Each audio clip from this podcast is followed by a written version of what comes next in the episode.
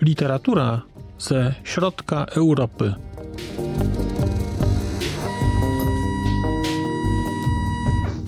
Podcast około książkowy.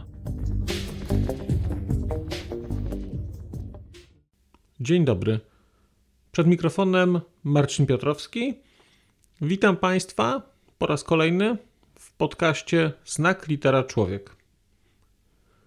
Dzisiaj mam e, dla Państwa krótką, bo wydaje mi się, że nie ma co przedłużać, krótką opowieść o książce Dariusza Zalegi Bez Pana i Plebana 111 gawęd z ludowej historii Śląska. To jest książka, kolejna książka z takiego cyklu wydawanego przez e, wydawnictwo RM, e, cyklu, który się nazywa Ludowa Historia Polski. I tak się złożyło, że wydaje mi się, że jednym z pierwszych odcinków w ogóle, które nagrywałem, był odcinek o jednej e, z książek tego cyklu. On dotyczył wtedy mm, procesu modernizacji w okolicach Kielc, który się wydarzał w XIX wieku. A teraz mam przed sobą książkę, która jest e, nadal z tego cyklu, ale która dotyczy Śląska. I może warto w tej chwili byłoby powiedzieć dwa zdania na temat całej serii, mm, dlatego że w ramach tej serii ukazują się kolejne tytuły. One są, mm, powiedziałbym, takie popularyzatorskie i y, ja je czytuję Niektóre mi się podobają bardziej, niektóre mi się podobają mniej, ale uważam, że warto, warto takie książki czytać. A o idei serii całej mm, pisze, właściwie w każdym tomie tej serii, pisze jej redaktor naczelny, taki merytoryczny, y, Przemysław Wielgosz i pisze tak. Seria książkowa Ludowa Historia Polski ma stanowić przyczynek do odzyskania zapomnianych dziejów zwykłych ludzi. Chcemy w niej przedstawiać najciekawsze prace o tych, którzy nie kwalifikowali się do narodu sarmatów, choć byli prawdziwą solą ziemi dawnej Rzeczpospolitej. Będą to zatem książki o chłopach pańszczyźnianych, miejskiej biedocie, ludziach luźnych, pod pewnymi względami odpowiadających dzisiejszemu prekariatowi, a wreszcie o proletariacie. Oddamy głos kobietom, migrantom, mniejszościom. Zwrócimy uwagę na pokrzywdzonych i poniżonych, dla których nie ma miejsca w historii imperiów i dynastii. Choć to przecież ich trud zawsze budował potęgę państw i władców. No i taka, taka zapowiedź, powiedziałbym taka ideowo mocno lewicowa, e, dotyczy wszystkich tych książek i y, y, z książką Bez Pana i Plebana nie jest inaczej. To znaczy, rzeczywiście książka Dariusza Zalegi wpisuje się w ten nurt y, opisywania życia, opisywania ludzi, o których nie chce się pamiętać, dlatego że rzeczywiście nie wpisują się w główny nurt historii Polski jako Chrystusa Narodów, czy jakkolwiek się tam nazwiemy to, wcielenia raju na ziemi. Mm, podtytuł tej książki to jest 111 gawęd z ludowej historii Śląska. I rzeczywiście ta książka to jest, to jest 111 e, takich, no tu jest to opisane jako gawenda, to są takie bardzo krótkie rozdziały i w ramach tych, te rozdziały mają tak od dwóch do czterech stron. Pojedyncze mają nieco więcej. One są naprawdę krótkie. Y, I w ramach tych rozdziałów przywoływane są zdarzenia y, z historii, tak zwanej ludowej historii y, Śląska, ale też przywoływane są osoby, które gdzieś tę historię tworzyły i które no, wpisały się, które, które coś, coś do tej historii wniosły. Na takim najbardziej ogólnym planie powiedziałbym, że to jest historia, która zaczyna się tutaj od wieku XVI i pierwszych buntów e, przyszłego przemysłu wydobywczego jakiegoś, a kończy się w okolicach roku 45. Ale większość tej historii, e, większość tych historii, które są pokazane w tej książce, dotyczy drugiej połowy XIX wieku i pierwszej części wieku XX. To jest ten czas, kiedy ten Śląsk się naprawdę e, mocno zmienia. To jest e, czas, kiedy rozwija się przemysł, jednocześnie jest to czas też takiego mm, najbardziej brutalnego mm, kapitalizmu nastawionego na taką maksymalną akumulację kapitału kosztem, mm, kosztem e, tej klasy robotniczej. Myślę, że lektura tej książki może być trudna dla osób, które mm, niespecjalnie gdzieś sytuują się po stronie, po stronie robotników, po stronie słabszych. Dlatego, że no, autor bardzo jednoznacznie tutaj wybiera stronę. I wybiera stronę słabszych, wybiera stronę pokrzywdzonych. I historie, które tutaj pokazuje, wydaje mi się, że oczywiście mogą mieć inną narrację, gdyby opowiadał ją ktoś inny. Gdyby opowiadał tę historię właściciel huty, kopalni, mm, czy ktoś szefujący dużemu ruchowi politycznemu, na przykład jakimś o charakterze chrześcijańsko-demokratycznym. To byłaby to inna historia. Ale ta historia tutaj opowiadana jest z perspektywy naprawdę zwykłych ludzi, tych ludzi, którzy nie mają e, co zjeść, tych ludzi, którzy są gdzieś tam najniżej na tej społecznej drabinie. Je, e, zasadniczo kiedyś, opisując książkę Adriana Ciorojanu, e, właściwie dwie książki dotyczące historii Rumunii, podnosiłem taki wątek tego, że krótkie rozdziały niewiele wnoszą. I tutaj też mamy rzeczywiście krótkie rozdziały, one mają e, taki, te rozdziały mają taki charakter przyczynkarski. Też warto powiedzieć, że mm, ta książka, czyli Bez Pana i Plebana e, i autor książki prowadzi profil na Facebooku, profil, który jest aktywny, który jest żywy, który nazywa się e, Zbuntowany Śląsk i ja Państwu link do tego profilu mm, oczywiście zamieszczę w opisie odcinka.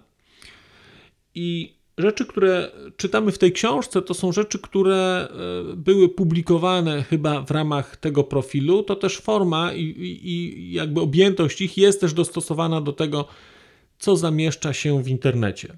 To jest wada i zaleta. To jest wada, dlatego że one czasami kończą się dosyć gwałtownie, czyli jest coś napisane, jest jakaś historia, która się potem jest bardzo szybko spuentowana. No, zaletą jest to, że że czytając tę książkę rzeczywiście mamy, powiedziałbym, pełne spektrum e, zachowań które, mm, i, i zdarzeń, które gdzieś e, w ramach tego, tej ludowej historii Śląska miały miejsce. Natomiast dla mnie chyba największą zaletą tej książki, i uświadomiłem ją sobie dopiero, dopiero gdzieś po dłuższej chwili, kiedy ją czytałem, jest całościowe podejście do tematu. A całościowość widzę tutaj w kontekście geograficznym. To znaczy, nie ma tu mowy o Górnym Śląsku. Tu jest mowa o Śląsku. I jest to bardzo interesujące, bardzo tutaj, dlatego że widzimy historie, które wydarzają się w Niemczech, jeszcze pod zaborami, które wydarzają się na terenie Zagłębia, też pod, w innym zaborze, które wydarzają się na terenie Śląska Cieszyńskiego, to jest trzeci zabór, bo to jest zabór e, austriacki. Później mamy Czechosłowację, później mamy Polskę, później mamy Niemcy i tak naprawdę nie mówimy tu o Górnym Śląsku w obecnych granicach Polski.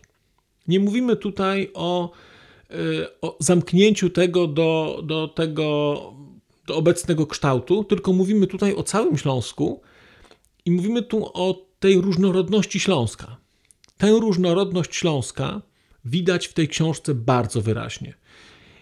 I jak byłem zaskoczony, czytając na przykład książkę Karin Lednickiej, jak wyglądało życie na tym Śląsku, nazwijmy to, w tym zagłębiu no, ostrawsko-karwińskim, i jak ono było podobne, a jednocześnie inne od tego życia w, w ramach tego Śląska górnego, takiego klasycznego, to wreszcie teraz zrozumiałem dlaczego. Bo udało się Dariuszowi Zaledze pokazać bardzo wyraźnie różnicę między zaborami. Udało się pokazać to, jak bardzo brutalne i takie, powiedziałbym, zamordystyczne i antyrobotnicze były działania e, rządu no, pruskiego, niemieckiego, czyli tego, co działo się w, w, w ramach Cesarstwa Niemieckiego i no, po tamtej stronie granicy, i jak bardzo różniło się to od bardzo liberalnej jednak na tym tle polityki, y, polityki habsburskiej, polityki, polityki cesarstwa austro-węgierskiego.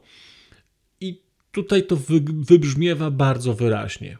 Ta różnica między tym Śląskiem Cieszyńskim, który się tutaj pojawia, który się pojawia zawsze w kontekście takim bardzo prospołecznym, w kontekście spółdzielczym, w kontekście mm, towarzystw oświatowych, kulturalnych, takiej ekspansji, budowania relacji. Na tym tle ten Śląsk, Górny Śląsk, e, pozostający w ramach Niemiec, jest, no, jest jego skrajnym przeciwieństwem. Znaczy, to jest miejsce, które jest, e, e, które jest właściwie państwem policyjnym i te siły porządkowe właściwie skupiają się nie tyle na utrzymywaniu porządku, co raczej na próbie brutalnej kontroli ruchów robotniczych i, i to po prostu widać, tę, tę różnicę. Widać tę różnicę i ja ją teraz dopiero, ja niby to wiedziałem z lekcji historii, ale tutaj to widać bardzo wyraźnie, bo po prostu ta, ta granica zaborów jest granicą kulturową po prostu. Znaczy w jednym miejscu się coś robi, coś można robić, a w drugim miejscu y, jest się brutalnie przez policję y, y, ograniczanym, niszczonym, tak można byłoby powiedzieć. I tak naprawdę też bardzo wyraźnie tutaj to widać. Jednak e, takie duże przyzwolenie społeczne e, ze strony, ze strony rządzących na wyzysk tych ludzi. Dlatego, że ta policja i ta klasa rządząca w ramach Cesarstwa Niemieckiego jest tutaj, ta, ta relacja jest bardzo bliska, to znaczy policja de facto służy, służy klasie rządzącej. Ciekawym wątkiem też, który się tutaj pojawia, jest taki wątek odrębności czy innego charakteru jednak Górnego Śląska od chociażby Zagłębia Rury. Ja przyznam, że nie zdawałem sobie sprawy, że te dwa zagłębia, te dwa okręgi przemysłowe tak bardzo się kiedyś różniły. Powód jest prosty. Górny Śląsk, który trafił do Polski, był takim gospodarczym sercem kraju. On ten kraj właściwie, można byłoby powiedzieć, w dużym stopniu zbudował. I był e, takim miejscem, które było zdecydowanie najbardziej rozwinięte, i to bardzo wyraźnie widać e, w książce Zbigniewa Rokity, Kaś, kiedy jest pokazane to, jak e, bardzo na poziomie nawet statystycznym Górny Śląsk odstawał od reszty kraju na poziomie dostępności kultury itd., tak itd. Ale kiedy ten Górny Śląsk jest umieszczany w kontekście niemieckim, no to widać, że jest to, że jest to miejsce, które jest bardzo dla Niemców problematyczne. Miejsce szalenie biedne miejsce z ogromnymi e, e, takimi problemami społecznymi, z napięciami społecznymi. I różnica między Śląskiem a Zagłębiem Rury jest, jest w ramach tych Niemiec jest, jest gigantyczna. To znaczy, to są dwa zagłębia, które leżą po dwóch stronach, można było powiedzieć, e, Cesarstwa Niemieckiego przy wschodnich i zachodnich granicach, i one, one się różnią tak, że trudno, żeby się różniły bardziej. Też to u akurat y, Dariusza Zalegi y, w Bez Pana i Plebana widać, dlatego że jest tutaj, w ogóle ta, ta książka składa się w dużej mierze z powiedziałbym takich twardych danych. No, to, są, to są fragmenty listów, to są fragmenty z gazet, to są, to są cytaty z książek, także zabytki z tamtych czasów, takie za zapiski jakieś.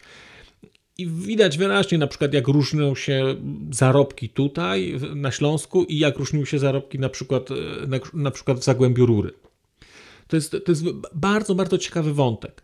Też ciekawym wątkiem, który jest tutaj obecny, bo w podtytule jest Bez Pana i Plebana, jest wątek, jest wątek e, nazwijmy to mm, antyklerykalny i pokazania tego, na ile też działania Kościoła jako instytucji, struktur kościelnych e, wpisywały się nie w raczej tę ewangelicką próbę e, pomocy e, tym ludziom biednym, tylko raczej w formę utrzymania struktur i współpracy z państwem na rzecz no, instytucji Kościoła i, i raczej zapewnienia kontroli klasie, klasie rządzącej. Ja podnoszę, mówię to o tym bardzo wyraźnie, bo, bo ta książka ma bardzo taki mocno lewicujący charakter. Mi to odpowiada, ja się odnajduję e, w tej, w tej narracji, to jest mi bliskie, ale zdaję sobie sprawę, że, że może być dla części ludzi, dla części czytelników dystansujące, jeżeli gdzieś oczekują, że znajdą tutaj mm, coś innego. Dwie rzeczy, które mi trochę przeszkadzały w lekturze, to są, to właściwie jedna to jest rzecz taka, która tutaj jest rzeczywiście. I to jest, e, i to jest charakter tych rozdziałów. Jak mówiłem, one są krótkie. One w większości dotyczą konkretnych osób i zdarzeń. I gdzieś ta książka jest dosyć długa, to jest jakieś tam 300 kilkadziesiąt stron. I gdzieś po jakimś fragmencie, takim dłuższym, ma się wrażenie takiego. Mm, takiej trochę po, powtarzalności, to znaczy jest podobna sytuacja, to znaczy jest jakaś osoba, ona się zachowuje w jakiś tam sposób, ma trudności, jest biedna i potem pracuje na rzecz, na rzecz wspólnoty. Mm, wydaje mi się, że jeżeli e, wtedy to funkcjonuje, te, te historie w ramach profilu facebookowego takiego, czy jakiejś formy mm, takiej interakcji, że na przykład coś jest publikowane co tydzień, co kilka dni, to nie ma problemu, dlatego że nie czyta się tego w dużych dawkach. Natomiast jeżeli się tę książkę czyta całościowo, tak, to, y, no to można mieć fragmentami mm, takie poczucie trochę znużenia, że mam wrażenie, że to czytałem, a to jest trochę o innej osobie. Okay, no, różni się miasto, różni, różni się trochę czas, bo to nie są Katowice, tylko to jest Bytom, to nie jest rok 1900, tylko 1903, ale zdarzenie jest podobne de facto co do struktury. Jakby to napisać taki wzór na te zdarzenia, to one byłyby, to one byłyby dosyć zbliżone. Mm, dlatego wydaje mi się, że tę książkę też można sobie czytać mm, no nie linearnie, tylko sobie pewne rzeczy wybierać. I tu jest mój drugi trochę zarzut, wydaje mi się, do wydawcy i też trochę do autora, dlatego że brakuje mi, bo ta książka ma bardzo dobry indeks geograficzny.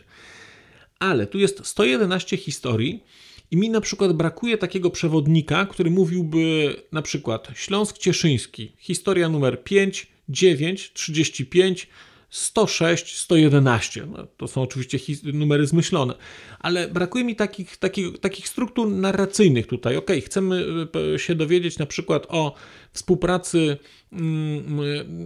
ponadgranicznej e, komunistów polskich i niemieckich, to przeczytajmy rozdział taki, taki, taki i taki.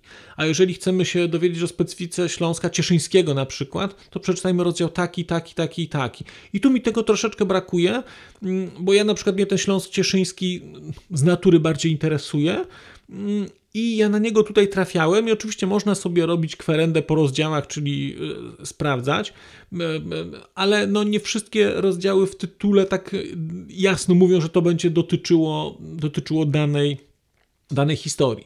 I to jest właściwie moja, to, to, to jest taki mój jedyny zarzut, taki dodatkowy, no, że, że, że wydaje mi się, że przy tego typu książce, która ma dużo drobnych, drobnych rozdziałów, które można czytać właśnie nie tylko tak linearnie, tylko sekwencyjnie, to wydaje mi się, że to, to byłaby jakaś tam wartość, gdyby, gdyby coś takiego mm, zrobić, ale e, wydaje mi się, ja też e, mam wrażenie, że, że gdzieś to może się pojawi na Facebooku, może się pojawi tam na stronie internetowej mm, tej książki, dlatego że to nie jest tak, że że, że to jest coś, coś nie do nadrobienia, a, a też mam takie poczucie, że jeżeli ktoś kupuje taką książkę, to zajrzy pewnie na profil facebookowy, dlatego że ten profil facebookowy żyje.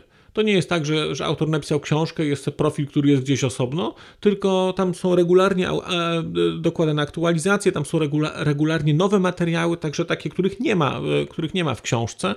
A książka jest z roku zeszłego, to jest książka wydana w roku 2021. Więc ja Państwu chyba polecam, aczkolwiek to nie jest książka dla każdego, to trzeba jasno powiedzieć. E, więc jeżeli się Państwo interesujecie gdzieś historią na przykład ruchu robotniczego i takie historie, w szczególności z początków XX wieku, są Państwu bliskie, e, to wydaje mi się, że warto sobie tę książkę przeczytać. Też dlatego, że taka dominująca narracja e, historyczna w Polsce od nie wiem, kilkudziesięciu, trzydziestu lat to jest narracja, która nie jest narracją prorobotniczą. I te wszystkie historie tutaj, które są pokazywane, gdzieś są przykrywane, dlatego że przykrywa to wszystko 45 lat e, Polski Ludowej, więc mówienie o ruchu robotniczym dla części ludzi było mówieniem de facto o czymś, co było PZPR-em albo tuż przed PZPR-em. No to jest zupełnie nieprawda, e, więc, e, więc tutaj warto, więc jak ktoś jest miłośnikiem tej historii, to, to, to warto sobie to y, przejrzeć. I druga grupa czytelników to są osoby, które interesują się Śląskiem i tutaj rzeczywiście będzie, wydaje mi się, że może być sporo, bo tu jest bardzo dużo nazwisk, e, takich e, krótko zarysowanych po, postaci, mm, też takich e, opisów wydarzeń i, i mi się wydaje, że to też może być, może być interesujące. Ja w sumie cieszę się, że tę książkę przeczytałem, aczkolwiek mówię, nie wiem, czy będę do niej e, jakoś tam regularnie wracał, ale może jeżeli się na tym w profilu facebookowym pojawi, e, pojawią takie, takie, takie guidy na przykład, żebym przejrzał sobie taki zestaw na przykład według autora, bo to było fajne. Moim zdaniem takie, takie odautorskie, odautorskie zebranie pewnych e, takich wytycznych, pokazanie, czytajcie taką sekwencję, to pokazuje coś większego, bo normalnie ten obrazek może umknąć, bo jak Czasami te, mm, te rzeczy do, dotyczą zjawisk dosyć odległych, są rozrzucone tutaj w czasie i można, można gdzieś tam sobie nie połączyć pewnych faktów, i, i wtedy wydaje mi się, że to będzie trochę ze stratą mm, dla, dla czytelnika.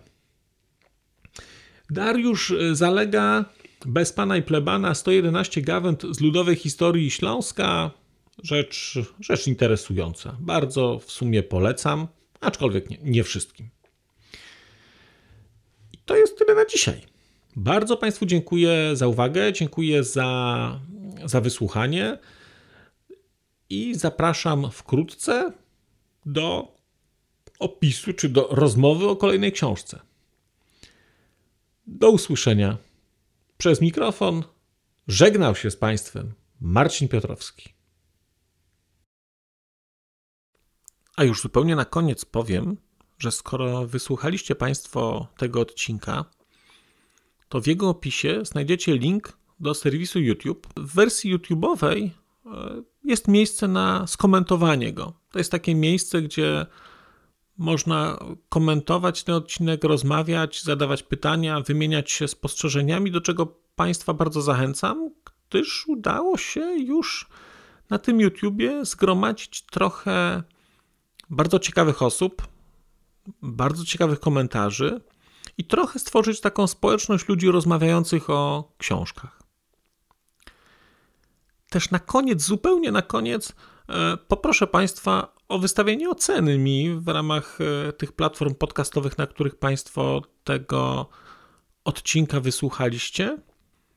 I nieważne jaka ta ocena będzie, istotne dla mnie po prostu, że będzie. Tymczasem się żegnam już naprawdę i do usłyszenia za czas jakiś.